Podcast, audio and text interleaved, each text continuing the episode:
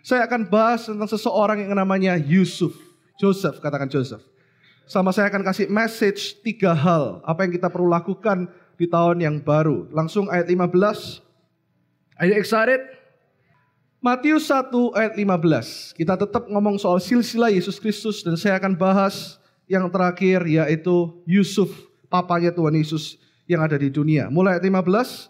Eliud memperanakan Eleazar, Eleazar memperanakan Matan, Matan memperanakan Yakub, Yakub memperanakan Yusuf suami Maria yang melahirkan Yesus yang disebut siapa? Kristus. Ayat 17 kita baca sama-sama 1 2 3 dengan suara yang keras. Jadi seluruhnya ada berapa? 14 keturunan dari Abraham sampai Daud, 14 keturunan dari Daud sampai pembuangan ke Babel dan 14 keturunan dari pembuangan ke Babel sampai Kristus. Semuanya ada 42 keturunan. Kita ingat dulu karena ini saya firmannya ngeflow, saya lebih ke saat teduh kemarin apa yang harus saya ngomong. Tetapi waktu saya baca ayat ini Tuhan bilang gini, Pastor Carson suka mention ini bahwa God is our God of generations. Tuhan itu mengingat janjinya generation upon generation. Kalau generation itu berarti beribu-ribu tahun. Kalau Tuhan berjanji dalam hidup kita, Tuhan gak akan pernah lupa. Dari keturunan yang pertama sampai 42 generasi. Tuhan gak pernah lupa. Itu artinya juga gini. Kalau Tuhan pilih Anda, Tuhan gak akan lupa untuk menuntun Anda. Kalau Tuhan pilih Anda, Tuhan gak akan pernah lupa untuk selalu memeluk Anda. Kalau Tuhan pilih Anda di tahun 2020, greater harvest itu untuk kita semua. Nah sekarang kita masuk di ayat 18, kelahiran Yesus Kristus. Kita akan belajar tiga karakter dari si Yusuf ini. Dua minggu lalu saya katakan, kenapa kok mereka dipilih Tuhan? Mereka semua orang biasa. Tapi kita belajar dari kebiasaan Yusuf, orang yang biasa ini. Sikap hatinya seperti apa? Sehingga Tuhan memilih dia untuk lahir melalui keturunan Yusuf, bukan hanya Maria. Selama ini kita kan selalu bahasnya Maria, ya toh? Mary's boy's child, kan gitu kan ya. Tapi percayalah bahwa Yesus bukan lagi Mary's boy's child, tapi Yesus is the son of God, the son of man. Amen. Bahkan dalam bahasa Arab dikatakan Yelet, Yalut itu artinya Yesus Kristus benar-benar adalah Tuhan. Dia adalah Tuhan yang menjadi manusia. Banyak manusia pengen jadi Tuhan, kan gitu kan ya kekuasaan, power, terkenal, mau famous dan sebagainya. Tapi hanya satu Tuhan yang mau jadi manusia. Yaitu Tuhan kita Yesus Kristus. Bangga nggak jadi anak Tuhan? Dikatakan di sini ayat 16, ya ayat 18, sorry. Kelahiran Yesus Kristus adalah seperti berikut. Pada waktu Maria ibunya bertunangan dengan Yusuf, ternyata ia mengandung dari roh kudus sebelum mereka hidup sebagai suami istri. Sebelum masuk ke poinnya, saya akan ikut aja apa yang Tuhan ngomong. Tiba-tiba Roh Kudus kasih rema seperti ini di ayat yang ini. Bertunangan, engaged. Anda mesti tahu, perhatikan tahun 2020. Kepada siapa Anda mengengagekan diri Anda. Kepada siapa Anda mengikatkan persahabatan dan tali persaudaraan. Itu menentukan seberapa besar Tuhan percaya akan kehidupanmu. Jadi tahun depan, hati-hati pilih teman. Hati-hati untuk membuat perjanjian kontrak atau kongsian atau kerjasama atau tanda tangan kontrak dengan siapa pun juga libatkan Tuhan dan libatkan pemimpin rohanimu. Karena ini waktunya untuk kita bersahabat dengan sedikit orang, tapi berteman dengan semua orang. Tapi only a few people, Tuhan katakan, only a few people akan benar-benar bersinar di tahun 2020. Karena juga kepada siapa Anda mengikatkan diri, di situlah Tuhan juga akan mengikatkan perjanjian itu dengan Anda. Jadi hati-hati untuk mengikat diri dengan siapa saja. Yang menikah, hati-hati mengikatkan persahabatan dengan teman-teman. Karena banyak terjadi perceraian juga karena Anda mengikatkan diri dengan orang yang salah. Amin. Jadi hati-hati, jangan ikatkan dirimu sembarangan. Bertunangan dengan Maria, ini bukan hanya bertunangan secara fisik. Tuhan ngomong secara rohani, bertunangan adalah engagement, sesuatu yang Anda mau lakukan tahun depan, tiba-tiba Tuhan ngomong gini, ada beberapa orang di tempat ini, saya tidak tahu di mana duduknya, tapi saya tahu bahwa ada beberapa orang hari ini Tuhan katakan hati-hati dengan tanda tanganmu awal tahun nanti tahun depan. Dicermati lagi. Di sini ada pengacara-pengacara top. Maksudnya bukan datang ke pengacara, tapi kita datang ke Bapak yang kekal, Raja Damai, Prince of Peace. Dia dikatakan penasehat ajaib. Ada lagunya kan? Benasehat ajaib. Allah yang perkasa. Yang tahu lagunya katakan. Bapa yang kekal. Dia penasehat ajaib. Allah yang perkasa. Terus apa? Raja damai. Sama-sama katakan, sambutlah dia. Yesus Tuhan. Dia adalah apa? Juru selamat dunia. Dia penasehat ajaib, Allah yang perkasa, Bapa yang kekal, Raja damai. Lengkap. Kalau Anda butuh damai sejahtera, datang kepada Yesus. Kalau Anda butuh penasihat ajaib, datang kepada Yesus. Amin. Dan dikatakan di sini, bukan hanya bertunangan, ayat 19 dikatakan karena Yusuf suaminya, kita masuk di poinnya seorang yang tulus hati, katakan tulus hati, dan tidak mau mencemarkan nama istrinya di muka umum. Mari kita garis bawahi kata tulus hati dalam bahasa Yunaninya adalah dikaios. Katakan dikaios. Nah, saya akan bahas ini. Yang dimaksud dengan Tuhan Yesus waktu ketika firman ini ditulis di Injil Matius, Yusuf adalah seorang yang dikaios, adalah orang yang tulus hati. Saya akan kasih definisi. Yusuf ini orang kaya apa? Yang dimaksud dengan dikayos ini apa? Ini relevansinya untuk kita apa? Tahun depan yang pertama, jadilah seperti Yusuf. Karena dikayos artinya saya kaget kemarin saya tanya Pastor Kasten. Karena ada beberapa terjemahan Yunani itu banyak sekali. Tapi salah satu dari terjemahan Yunani ini sangat menggugah hati saya. Karena ini adalah visi gereja kita yang selalu harus kita ingat. Yang pertama ternyata Yusuf adalah orang yang only Christ truly. Poin yang pertama. Dia adalah orang yang memikirkan kepentingannya Tuhan. Agendanya Tuhan. Saya kaget banget ternyata arti dari karakter Yusuf yang tulus hati ini. Salah satunya adalah orang yang berpikirnya selalu Kristus. Wow. Seperti visi gereja ini. Semua ingat visi gereja kita apa? Membangun generasi yang mengalami Kristus dan menjadi terang bagi dunia. Tahun depan jangan ada agenda lain. Jangan katakan ini bisnisku, ini rumah tanggaku, ini gerejaku. By the way, kita berdoa dan sungguh-sungguh percaya bahwa tahun depan kebaktian tutup tahun kita sudah akan ada di Ciputra World 2 ya. Tepuk tangan yang meriah buat Tuhan. Ini adalah season yang cukup menegangkan dan feeling bisa naik turun, feeling bisa rasa kangen dan cinta karena saya selalu uh, ngobrol dengan wakil-wakil gembala, Pastor Dennis, Pastor Carsten, dengan leadership Felicia, Isaac, dan semua tim Pak Hasan. Kita percaya tahun depan ya kita akan dibawa untuk ke Ciputra World. Saya percaya kita semuanya akan pindah ke sana karena kapasitas bisa 1200 sampai 1500. Tapi tetap di hati saya karena ini adalah gereja awal-awal di mana kita merintis dengan air mata, di mana kita hanya bersembilan awalnya, kita bukan pecahan gereja mana-mana. Kita tidak pernah membawa jemaat siapa-siapa. Kita hanya bawa lutut dan air mata enam tahun yang lalu. Dan kita hanya berkata kepada Tuhan, Tuhan hati ini untuk Kristus. Berapa banyak orang yang berkata ini anak muda ingusan.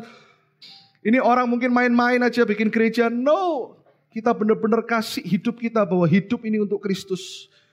Siapa pun yang ikut, siapa pun yang tidak mau ikut, siapa pun yang menentang, kita akan tetap berkhotbah tentang kasih karunia, the grace of God. Kita akan berkhotbah tentang Kristus Yesus Tuhan. Dan waktu itu kami hanya bersembilan. Dan kalau Tuhan kasih tempat ini, tahun depan kita dikasih tempat yang jauh lebih besar. Saya berdoa dan saya ngomong kepada gembala-gembala. Satu tahun, dua tahun kita di sana, mungkin kita akan buka lagi kebaktian jam berapa di sini nggak tahu, karena tempat ini akan tetap dipakai untuk Bible study, untuk apa. Tapi hari Minggunya, saya pengen sekali tempat ini tetap ada worship, tetap ada pujian penyembahan, tempat ini tetap menjadi rumah Tuhan.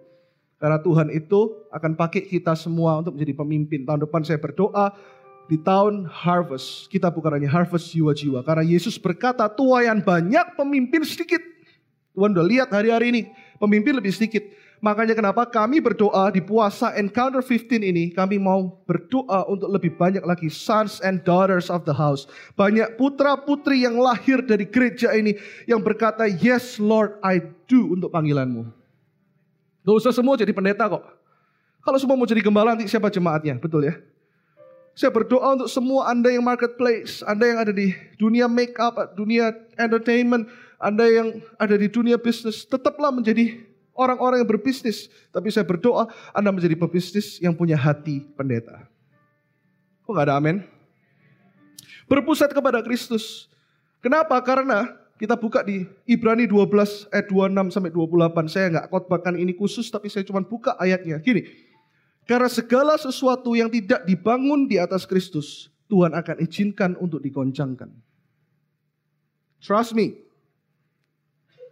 Apa pun itu, kita mesti make sure hari ini.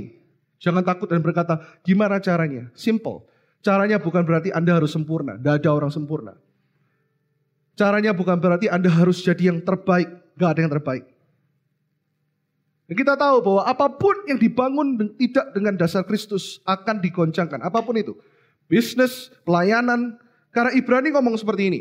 Ya, waktu itu suaranya, suara siapa? Yesus menggoncangkan bumi, tetapi sekarang ia memberikan janji satu kali lagi. Aku akan menggoncangkan bukan hanya bumi saja, melainkan langit juga. Ya nanti saya jelaskan panjang. Langit ini yang dimaksud heaven. Bahasa Inggrisnya itu Englishnya heaven. Ada tiga tingkatan heaven. Tidak usah tahu inilah. Nanti terlalu panjang. Langit yang di sini disebut adalah langit di mana iblis penguasa di udara itu digoncangkan sama Tuhan. Ya, ungkapan satu kali lagi menunjuk kepada perubahan pada apa yang dapat digoncangkan. Lihat. Jadi yang akan digoncangkan itu adalah apa yang dapat digoncangkan. Dalam bahasa aslinya, apa yang dapat digoncangkan itu adalah man-made system. Sistemnya manusia. Banyak orang takut dengan artificial intelligence dan sebagainya.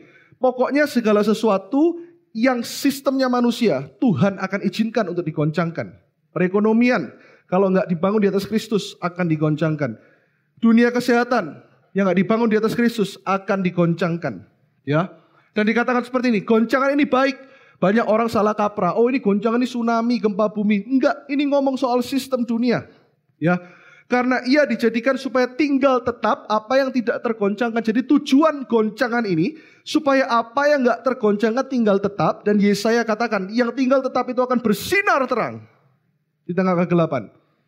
Jadi karena kita menerima, eh ini kita baca sama-sama. Siapa kita? Anak-anak Tuhan, ayo kita baca sama-sama satu, dua, tiga. Jadi karena kita menerima kerajaan yang tidak tergoncangkan, marilah kita mengucap syukur dan beribadah kepada Allah menurut cara yang berkenan kepadanya dengan hormat dan takut. Ingat tahun depan ini banyak message yang ngeflow aja kalian mesti catat. Anda mesti catat gini, tahun depan akan banyak hal-hal yang supranatural. Anda kerjakan itu dua bulan, Anda kerjakan itu tiga bulan, Anda kerjakan itu lima bulan. Sekejap saja dalam Greater Harvest atau mungkin Anda sudah mengerjakan itu 10 tahun. Orang lain kerjakan itu 25 tahun. Dalam sekejap saja Tuhan kasih kepada orang-orang yang bisa dipercaya seperti Yusuf. Di Kaios, orang yang tulus hati. Orang yang Christ only. Christ only itu bukan berarti sempurna. Anda tahu bahwa kita semua ini anak Daud, Yesus anak Daud, Anda sendiri tahu siapa Daud. Daud, kenapa kok Salomo yang justru Tuhan juga pilih? Tuhan pilih orang-orang biasa. Kenapa kok Tuhan nggak pilih Yesus lahir dari pernikahan Salomo yang baik-baik? Malah Tuhan pilih anak dalam tanda kutip hasil perselingkuhan dengan Bathsheba dan dikatakan di sana Yesus lahir dari keturunan Salomo. Itu menandakan bahwa janji Tuhan itu sempurna. Tidak tergantung dari kekuatan kita. Tidak tergantung dari kebaikan kita. Tapi tergantung sepenuhnya karena kasih karunia-Nya lebih dari cukup. Dikatakan bahwa grace and truth, kasih karunia dan kebenaran. Datang melalui Yesus Kristus Tuhan di tahun yang ke depan. Katakan, jangan katakan aku nggak layak, aku nggak mampu. Tuhan pilih orang nggak layak seperti Daud. Tapi kenapa Daud katakan Tuhan katakan dia orang yang berkenan di hatiku. Orang yang berpusat kepada Kristus bukan berarti orang yang sempurna. Tapi orang yang mudah bertobat. Ketika Daud jatuh. Dia nggak malah melarikan diri dan menyangkali. Tapi dia berkata kepada Nathan dan dia berkata. Jangan ambil rohmu daripadaku. Tapi jangan doa ini lagi ya. Karena di perjanjian baru roh kudus selalu hidup dalam hidup kita. Tapi di zaman itu ketika Daud jatuh, Yesus belum mati. Makanya kenapa dia berkata, Tuhan jangan tinggalkan aku. Berpusat kepada Kristus tahun depan. Artinya gini, hati yang mudah bertobat. Bangun hidupmu di atas fondasi yang kuat. Karena rumah yang dibangun di atas pasir akan roboh. Apa pun itu, rumah bisnis, rumah tangga. Tapi rumah yang dibangun di atas batu karang yang teguh. The rock. Di mana ketika orang Israel menggerutu, pukul batu itu keluar air yang menghidupkan. Yaitu Yesus Kristus Tuhan. Make sure suami istri mulai hari ini. You have to be intentional. Anda harus dengan sengaja mengakui Yesus di dalam setiap langkah hidupmu. Saya suka lagu ini. Ku nyatakan engkau. Tahu lagu ini? Tuhan di hidupku. Tuhan di setiap ucapan dan perbuatanku. Ini yang artinya berpusat kepada Yesus. Ku nyatakan engkau Tuhan di hidupku. Tuhan di setiap. Saya nggak hafal karena bukan bagian Raja Wali. Ya. Amin. Berpusat kepada Yesus. Tahu nggak tahun 2002-2003? Kemarin anak saya sempat muntah seharian karena kita tahu dokternya tutup. Tapi anak saya Ivanka itu very energetic. Ya, dia kalau sakit memang dia manja. Tapi dia nggak yang lemes, tetap nggak tidur siang dan sebagainya. Iva uh, hari ini ulang tahun umur 7 tahun. Kemarin Iva seharian dia agak nggak enak perutnya, tapi kita kira ya udahlah kita kasih dia uh, beberapa obat fometa dan sebagainya. Dia siang tetap nggak mau tidur. Iva tuh dewasa sekali, ya. Dia tuh kalau dikasih tahu maminya apa, mamanya kasih tahu apa, perasaannya lembut sekali. Anak umur 7 tahun, dia bisa ngomong sama mamanya, Mama, do you forget who I am? Mama lupa nggak siapa aku? Dan dia bisa keluar air matanya. Dia bilang, When you say something like that, it hurts my feelings so much. Kayaknya diterima di New Life Musical Drama ini ya. Saya suka kalau lihat dia nangis, saya paling nggak bisa. Itulah hati Bapak sama kita. Kalau kita menangis sama dia, kalau kita Bapak di dunia aja bisa kerasa kayak gitu. Kemarin kita sempat liburan sedikit, 8 hari di Bali, 8 hari di Bali itu kurang ya. Kayak satu, 8 hari di Bali. Gitu. Lebih baik satu hari di pelataranmu ya. Di sini lebih baik. Cuman dia bisa nangis dan dia bisa, dia bisa ngomong sama mamanya itu, you really, you broke my heart. I'm so sad when you don't know me anymore. Anak umur 7 tahun nih. Saya bilang, kamu belajar dari mana sih nak bisa ngomong pinter kayak gini? Memang kamu persis sama mamamu ya kalau gini-gini ya? Enggak, enggak, enggak. Ya tahu sendirilah kayak siapa. Kayak siapa?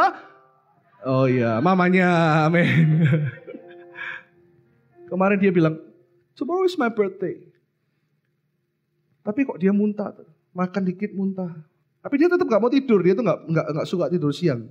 Kalau yang ini Kela mirip sama saya, saya itu paling suka tidur siang gitu ya. Sampai malam dia muntah lagi, kita khawatir. Gimana ya, dokter tutup. Dia kelihatan gak apa-apa, tapi dia siap kali makan muntah. Lalu Tuhan ingatkan, segala sesuatu dibangun di atas dasar Kristus. Berarti gini, kita bukan gak percaya obat. Tapi kita percaya perjamuan kudus Tuhan yang ciptakan. Untuk supaya kita healthy. Hari ini kita perjamuan kudus, amin. Saya ngomong ini supernatural ya, supaya Anda nggak mikir, apa sih? Saya kalau ceritain bolak-balik, nanti ada beberapa jemaat yang dipulihkan karena perjamuan kudus. Tapi kita tetap pergi, of course, yang natural tetap dijalankan, ya toh? Pakai hikmat, mau kongsian sama orang tetap dilihat orangnya gimana. Kalau mau kongsian sama orang simple, kalau orangnya sudah menikah, kalau Anda mau kongsian, ya kalau kita punya partner gitu ya, kita selalu lihat keluarganya gimana. Kalau ketemu mau partneran, suami datang, selalu kita minta untuk ajak istrinya, ajak anak-anaknya. Karena kita mau melihat keluarganya gimana. Percayalah kalau keluarganya baik, dia akan jadi partner yang baik. Tapi kalau dia punya uang sebanyak apa pun tapi keluarganya tidak baik, putuskan hubungan kongsi itu. Percayalah. Kalau kalau orang tidak bisa hargai istrinya sendiri, tidak bisa hargai pelayanannya sendiri, nggak bisa hargai anak-anaknya sendiri, nggak mungkin bisa hargai Anda sebagai partnernya. Amin. Terus saya ngomong istri saya, dia lemes malam, dia tidur di kamar. Oke, waktu kita beli obat, sebelum kita minum obat yang baru, ya. Kita berdoa dan Tuhan ingatkan perjamuan kudus.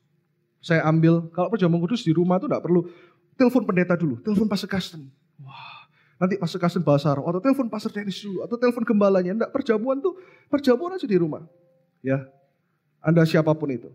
Kita perjamuan kudus, pakai air, kalau ada, ada anggur enggak apa-apa. Saya pakai cookies, saya gandengan tangan, dia muntah beberapa kali, tapi saya tahu bahwa ada yang nggak tergoncangkan itu sistemnya Tuhan. Perjumpaan kudus itu sistemnya Tuhan loh. Mengasihi itu sistemnya Tuhan loh. Mengampuni itu sistemnya Tuhan loh. Memberi itu sistemnya Tuhan loh. Januari kita akan masuk bulan yang baru, harvest. Kita akan kasih tema generosity. Kita akan belajar dari jemaat yang generous. Setelah kita perjumpaan kudus, kita tumpang tangan di dalam nama Yesus. Tetap yang natural dijalankan. Kecuali Anda tinggal di hutan, tidak ada obat. Tapi ini masih ada obat yang natural dijalankan. Obatnya ya gitu-gitu aja kok sehari minum obat ya. tidak terjadi apa-apa. Tapi ketika kita selesai perjamuan, muntahnya stop. Dan hari ini Iva sehat dan berkata, I'm healthy, papa mama. I eat a lot. Tahun 2002-2003, lihat. Anda akan menjadi anak-anak muda. Dan di sini semua anak muda karena kita semua di umurnya di bawah 100 tahun. Amen.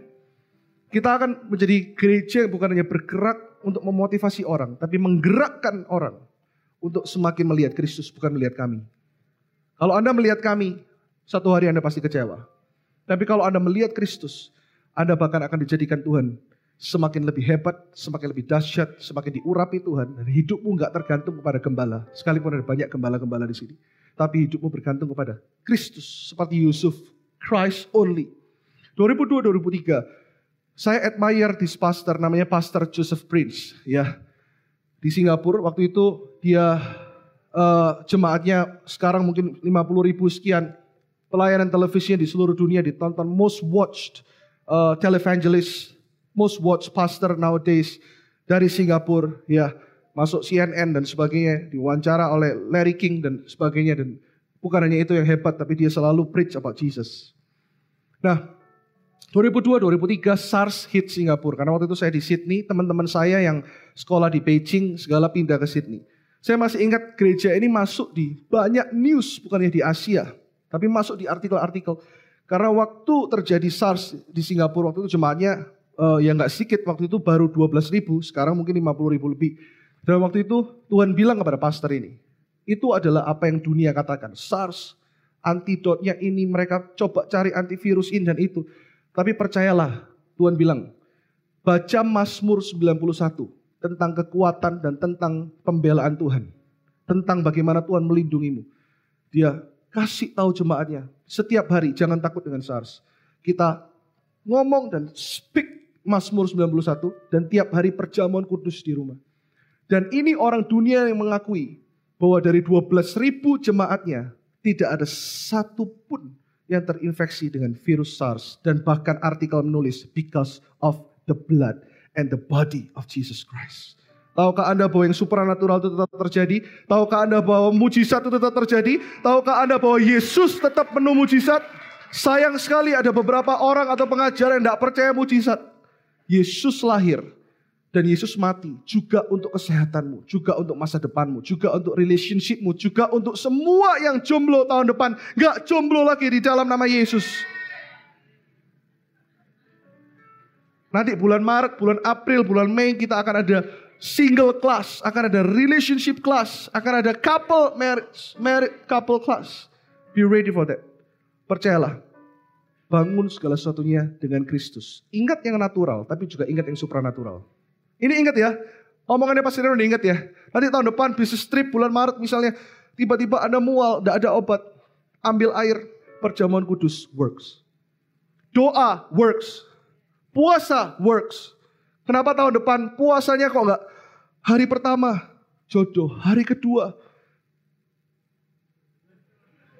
jodoh, hari ketiga wajah lebih mulus, hari keempat tidak berjerawat. Hari kelima rambut tambah naik kan gitu kan ya. Jadi doain diri sendiri, diri sendiri. Tapi tahun depan puasa kita 15 days. Kita fokus kepada pribadi. Ku percaya Allah Bapa. Ketinggian. Allah Bapa, Allah Putra, dan Allah Roh Kudus. The person of Jesus Christ. Kalau Anda fokus kepada dia. Gak usah tanya yang lain. Karena ekonomi, jodoh, apa pun itu. Uang itu adalah berkat yang paling rendah yang 2000 tahun lalu Tuhan telah tebus. Tapi berkat yang tertinggi adalah keselamatan, peace, damai sejahtera, sukacita, pengendalian diri, buah-buah roh. Come on, jadilah jemaat yang strong. Tahun depan even stronger. Amen. Yang kedua, apa yang dimaksud dengan dikaios? Tulus hati di sini. Punya sikap hati yang gini. Poin yang kedua adalah gini. Jangan ada hal yang tersembunyi dan jangan ada agenda yang tersembunyi. Anda harus ngomong apa pun yang ada dalam hatimu, please. Doakan kami para pendeta, para gembala. Gak ada satu orang pun yang imun. Gak ada orang yang kebal. Kami bukan Superman. Kami cuma terima kasih karunia lebih untuk mengembalakan Anda. That's it. Tapi terus doakan kami. Untuk kami tetap bersatu. Untuk tetap kami punya motivasi hati yang benar. Itu pula yang ingin kami tularkan kepada setiap live group, setiap jemaat. Jangan ada hal yang tersembunyi artinya gini. Tahun depan, cari orang yang Anda bisa percaya untuk Anda cerita. Bukan hanya kelebihan Anda, tapi kelemahan Anda. Karena dosa tidak terjadi begitu saja. Dosa awalnya cuma mengintip. Amin. Perselingkuhan tidak terjadi, perjinan tidak terjadi sekejap mata. Pasti ada prosesnya. WA dulu ah. Ya toh, lihat dulu ah. Kok rambutnya dia naik ya? Waduh gelnya dia loh. Bayangin dulu. Jangan bayangin, jangan bayangin. Ini cuma cerita. WA, kenalan, ketemuan, Aku cuma pengen jadi pacarmu. Padahal udah punya istri, enggak apa-apa. Kan punya istri belum punya pacar. Loh, ada yang ngomong gini loh. Ada loh yang konseling gitu. Pastor aku punya istri tapi aku ini pacaran lagi loh. Ya udah pacaran sama istrimu enggak. Aku pengen pacar yang lain karena dulu aku punya pacar banyak loh pastor. Jadi sekarang gak bosen kalau satu istri terus. Haleluya. Itu harus ketemu pastor kasten doa pelepasan dulu ya. Perjinan gak terjadi begitu saja. Percayalah banyak orang kami konseling awalnya adalah WA. Terus WA-nya mulai di private. Istrinya gak boleh lihat. Ya toh? Terus mulai intip-intip. Ya, kamu nanti sana jam berapa? Jam 9, nanti jam 9 kurang 15, aku udah ada di penghujung sana. ya. Nah aku udah bawakan sesuatu yang enak buat kamu. Latte, macchiato, ini dan sebagainya. Awalnya dari situ. Nah, ini ngom ini ngomong benar-benar jujur kepada Anda ya. Kalau Anda sudah mulai mau jatuh dalam dosa, cari gembalamu. Ini nih saya ngomong benar-benar dari mimbar ini. Saya ngomong benar-benar jujur saya ngomong. Gembala mau terima yang baik dari Anda. Tapi gembala juga mau terima yang gak baik dari Anda. Gereja ini gak pernah tolak siapa pun juga. Tapi please, gereja ini gak mentoleransi dosa. ya. Dulu kita pernah layani, dunia ini begitu jahat. Makanya Anda perlu live group. Katakan, kalau kita gembala-gembala selalu bilang, ayo live group. Ayo punyailah gembala di live group. Anda bisa datang ke gembalamu, Anda bisa datang kepada kami para pemimpin. It's okay to not to be okay. Jangan cuma pastor, aku diterima loh di sini pastor. Tapi kalau Anda mulai, pastor aku mulai tergoda. Come to us. Please come to us. Kalau udah jatuh gimana? Tidak apa-apa, jatuh pun come to us. Daripada Anda lari dan tergeletak. Karena Tuhan berkata orang benar jatuh satu kali, Tuhan akan angkat tujuh kali. Itulah Tuhan Yesus asal kita mau dan berkata, Tuhan aku gak ada yang sembunyikan apa-apa. Ini aku, apa adanya. Jadilah orang yang apa adanya, jangan selalu ada apanya. Jadilah orang yang tulus hati seperti Yusuf, secretly. Dia ingin menceraikan Maria tapi dia bingung. Kalau bingung ya ngomong bingung aja. Jangan pura-pura. Kalau kita nggak tahu harus melangkah ya ngomong aja I'm clueless pastor. Kalau sedang melayani dan Anda terpuruk rohaninya, sesuatu terjadi di dalam rumah tanggamu, ngomong ke pemimpinmu, datang ke, ke pemimpin departemenmu dan berkata, Gereja ini adalah gereja pengembalaan. Segala sesuatunya terpusat kepada pengembalaan. Seperti Anda tahu juga gembala-gembalamu pun gak sempurna. Tapi at least Anda jatuh di dalam rumah daripada Anda jatuh di luar rumah. Remember that. Please take notes.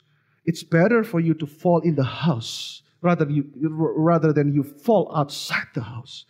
Karena in the house of God, satu kali Anda jatuh, Tuhan akan pulihkan bahkan lebih dan lebih dan lebih dan lebih lagi. Ingat itu tahun depan. Gak boleh ada yang tersembunyi. Katakan kanan kiri. Gak ada yang boleh tersembunyi ya. Karena keterbukaan adalah awal dari pemulihan. Terbuka jangan dengan orang yang salah. Yang terakhir, di Kaios, Yusuf. Apa yang ada dalam hidup Yusuf? Kita teruskan sedikit ya. Ayat 19 tadi dan sebagai kita baca dulu sampai terakhir. Karena Yusuf suaminya seorang yang tulus hati dan tidak mau mencemarkan nama istrinya di muka umum. Ia bermaksud menceraikannya dengan diam-diam. Ayat 20, tetapi ketika ia mempertimbangkan maksud itu, malaikat Tuhan nampak kepadanya dalam mimpi dan berkata, Yusuf anak Daud, janganlah engkau takut mengambil Maria sebagai istrimu. Sebab anak yang di dalam kandungannya adalah dari roh kudus. Lihat, kalau kita pahami cerita ini begitu lebar, saya nggak akan terlalu bahas terlalu dalam karena sudah dua poin, tinggal satu poin lagi. Gini, Yusuf itu waktu itu dilema. Makanya ini yang dimaksud dengan tidak ada hal yang tersembunyi, nggak ada hidden agenda, di kaios yang menjelaskan karakter Yusuf tuh panjangnya segini. Saking Tuhan lihat banyak orang ini semuanya berhubungan dengan hatinya tulus, hatinya benar, hatinya, hatinya semua dimulai dari hati. Dia dilema karena zaman itu kalau pria itu punya hak kalau wanitanya karena Maria dikira selingkuh kan, terima janji di mana ketika dia terima janji ternyata itu bukan dari Yusuf karena mereka belum menikah, hanya bertunangan tapi kok bisa hamil. Waktu itu kalau Yusuf bilang publicly Maria hamil bukan karena aku. Maria itu bisa dirajam sampai mati. Tapi dia bergumul. Ini ini hikmat lain, bukan di poin tadi. Tahun depan Jangan cepat-cepat tolak janji Tuhan. Kalau janji Tuhan datang dan kelihatannya mustahil, Maria mengandung dari Roh Kudus. Awalnya adalah mustahil. Tapi jangan gegabah dan cepat tolak dulu. Pikir dulu. Jadilah orang yang lambat berkata-kata. Tapi cepat untuk berpikir dan bertindak. Tapi tindakannya dengan Tuhan. Yusuf ini pikir, pikir, pikir dulu. Dan dia tidak memikirkan kepentingannya karena kalau bayangkan kalau dia pilihannya cuma dua waktu itu. Secara manusia. Kalau dia ngumbar bahasa Ibrani-nya dia ngomong Maria kayak gini, Maria dirajam batu. Yang kedua, kalau dia diam-diam menceraikan Maria, dia pun nggak bisa nikah lagi. Karena orang Yahudi paling Taurat paling menghakimi dengan hal yang gini-gini. Tapi lihat, biarkan Tuhan bekerja leluasa dalam hidupmu. Kita cuma diam saja.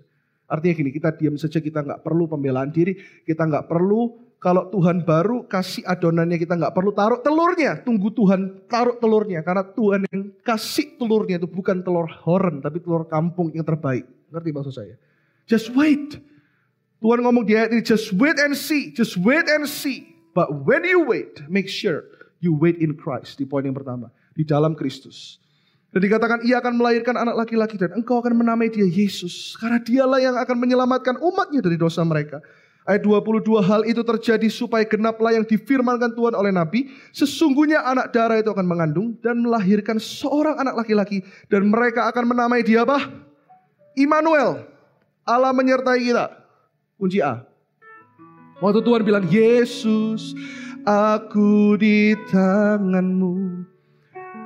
Yesus, aku di hatimu. Yesus, dia Immanuel. Ya tahu lagunya sama-sama. Tuhan serta kita. Yesus, ku dipegang teguh. Yesus selalu bersamaku. Yesus, katakan dari hatimu, Dia Immanuel. Tuhan serta kita. Tahu nggak waktu saya dapat lagu ini, itu juga dalam kondisi kepepet jam 1 pagi dan besoknya jam 9 saya sudah harus masuk studio. Dan waktu itu saya cuma punya 9 lagu, kurang satu Tuhan. Dan namanya sindrom. Dulu saya punya sindrom Raja Wali jujur. Karena kalau Raja Wali begitu ngetop, album kedua saya bingung Tuhan kok nggak ada yang kayak Raja Wali. Karena saya coba tulis lagu pakai burung pipit, burung beo, burung apa pun juga nggak bisa keluar. Tapi di saat kepepet, tiba-tiba jam satu pagi, Roh Kudus menyanyikan itu dengan lembut di hati saya. Jelas sekali, semua nadanya, liriknya Roh Kudus bilang, ini lagumu. Yesus, aku di tangan. Dasar waktu itu penulis lagu, bukan lagi kalau orang kan di zaman Tuhan, saya langsung cari kertas sama bolpen takut lupa sama ambil rekaman. Yesus, Tahu nggak di saat kepepet waktu Tuhan bilang aku Immanuel Allah yang beserta dengan engkau. Itu artinya gini di saat engkau baik di saat engkau nggak baik di saat engkau jatuh di saat engkau jauh di saat engkau berdosa di saat engkau benar Yesus tetap Immanuel yaitu Allah yang beserta dengan engkau dan janji-janjinya akan terus digenapi dalam hidupmu. Gak akan pernah dia lupa satupun. Di hal yang paling kepepet itu Tuhan ngomong sama Yusuf Makanya kenapa kalau Tuhan berjanji, Tuhan pasti genapi. Itu artinya gini, Tuhan akan melakukan dengan segala kekuatannya untuk menjangkau Anda. Seperti Yunus lari ke Tarsis, Tuhan akan tetap kejar untuk Yunus pergi ke Niniwe. Itulah janji Tuhan yang pasti akan terjadi di tahun 2020. Atas setiap New Life Church yang ada di sini, juga yang ada di live streaming. Yang percaya tepuk tangannya lebih meriah lagi buat Yesus Tuhan. Dan lihat ayat 24 yang terakhir. Sesudah bangun dari tidurnya, Yusuf berbuat seperti yang diperintahkan malaikat Tuhan kepadanya. Yang ketiga, taat. Yusuf berbuat segala sesuatu yang diperintahkan kepadanya. Jangan tawar perintah Tuhan. Kalau kita di, di bawah kasih karunia, bukan berarti kita sembarangan. Justru di bawah kasih karunia, kita mau taat kepada setiap perintah Tuhan dalam hidup kita. Sekalipun kita nggak sempurna. Tapi hati kita harus punya hati yang taat. Amin. Dan dikatakan ayat 25, tetapi ia tidak bersetubuh dengan dia sampai ia melahirkan anaknya laki-laki. Dan Yusuf menamakan dia Yesus. Kenapa Yusuf jarang dibahas? Yusuf yang menjaga Maria. Jaga janji Tuhan dalam hidupmu. Jangan campuri itu. Kalau Tuhan ngomong A, ikut A. Segala sesuatu harus dibawa ke bawah terang. Karena Tuhan adalah terang. Nah kalau aku terang terus gak menang ya pastor gimana? Percayalah terang selalu menang. Integritas selalu menang. Sekalipun ada nggak sih orang yang 100% berintegritas? Tidak ada. Tapi paling tidak punya hati yang tulus kayak Yusuf. Yusuf itu taat. Sekalipun dia tidak tahu janji Tuhan itu seperti apa. Cuman dibilang nanti ini dia akan mengandung roh kudus. Dia akan menyelamatkan banyak bangsa Israel dan sebagainya. Dia akan menjadi juru selamat dunia. Tapi Yusuf belum melihat gambaran besarnya. Tapi dia memilih untuk taat. Taat di saat Anda tahu. Dan taat juga di saat Anda tidak tahu. Di saat Anda tahu taat, good, lebih baik daripada nggak taat. Tapi di saat Anda belum melihat semua sekalipun, tetap taat. Karena ada lagu yang berkata, waktu Tuhan pasti yang terbaik. Amin. Walau kadang tak mudah dimengerti lewati cobaan. Apa katanya? Ku tetap percaya waktu Tuhan pasti yang terbaik. Sekali lagi katakan, waktu Tuhan pasti yang ter... Saya minta PAW udah maju ke depan.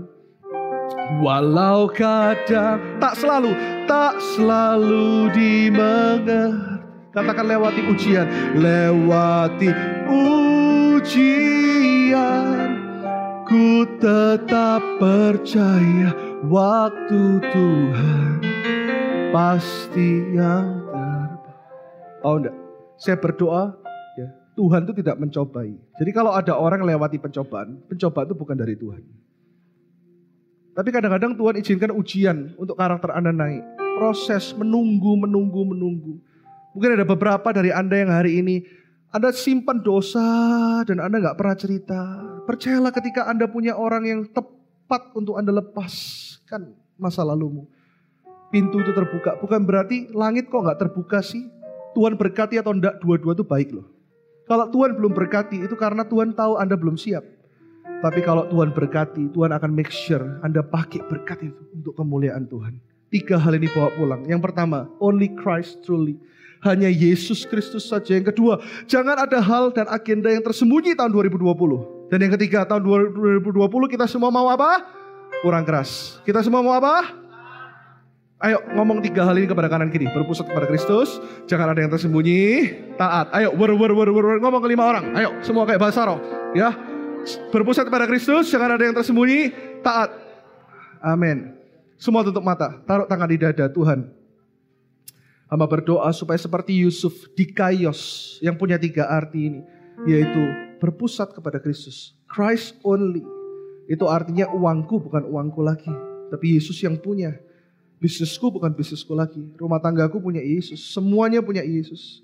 Yang kedua aku mau belajar untuk jadi orang yang apa adanya. No hidden agendas. Tidak ada agenda yang tersembunyi seperti apa yang Pastor Iwan selalu katakan di gereja ini. Kalau Anda bisa lebih berkhotbah lebih baik dari saya, kalau Anda bisa bikin KKRK semua lebih baik dari saya, saya dan para gembala akan bangga dengan itu. Gak ada halangan apa pun untuk orang lain jadi lebih hebat dari kami. No hidden agendas. This is your church. Tuhan katakan, New Life Church, I will build my church upon this rock. So New Life Church is His, not ours. bukan punya kita, tapi Yesus. Yang ketiga, taat. Taat di saat Anda tahu. Bahkan Anda harus taat di saat Anda tidak tahu. Karena kalau Anda tidak tahu, percayalah Anda pasti tahu bahwa segala sesuatu bekerja membawa kebaikan, mendatangkan kemuliaan, mendatangkan mujizat, mendatangkan banyak perkara besar dalam hidupmu. Kalau Tuhan tidak kasih tahu, bukan berarti Tuhan tidak mau kasih tahu. Belum Tuhan kasih tahu, tapi tetap taat.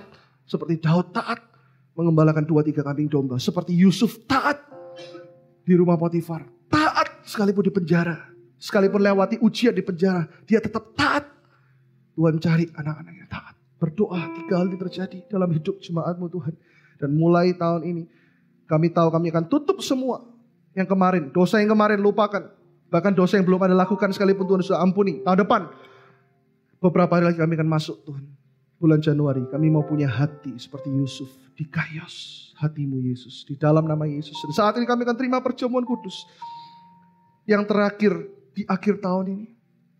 Kami terima setiap perjamuan kudus ini dengan kekuatan dan dengan kasih karuniamu sehingga kami tahu bahwa kami adalah orang-orang yang sudah berkemenangan. Terima apa pun yang Anda butuhkan hari ini. Anda butuh pemulihan, Anda butuh teman, Anda butuh kesehatan yang baru, Anda butuh kesembuhan. Terima melalui perjamuan kudus yang sudah Tuhan kuduskan. Dan kami semua terima mujizat di dalam nama Yesus Kristus Tuhan.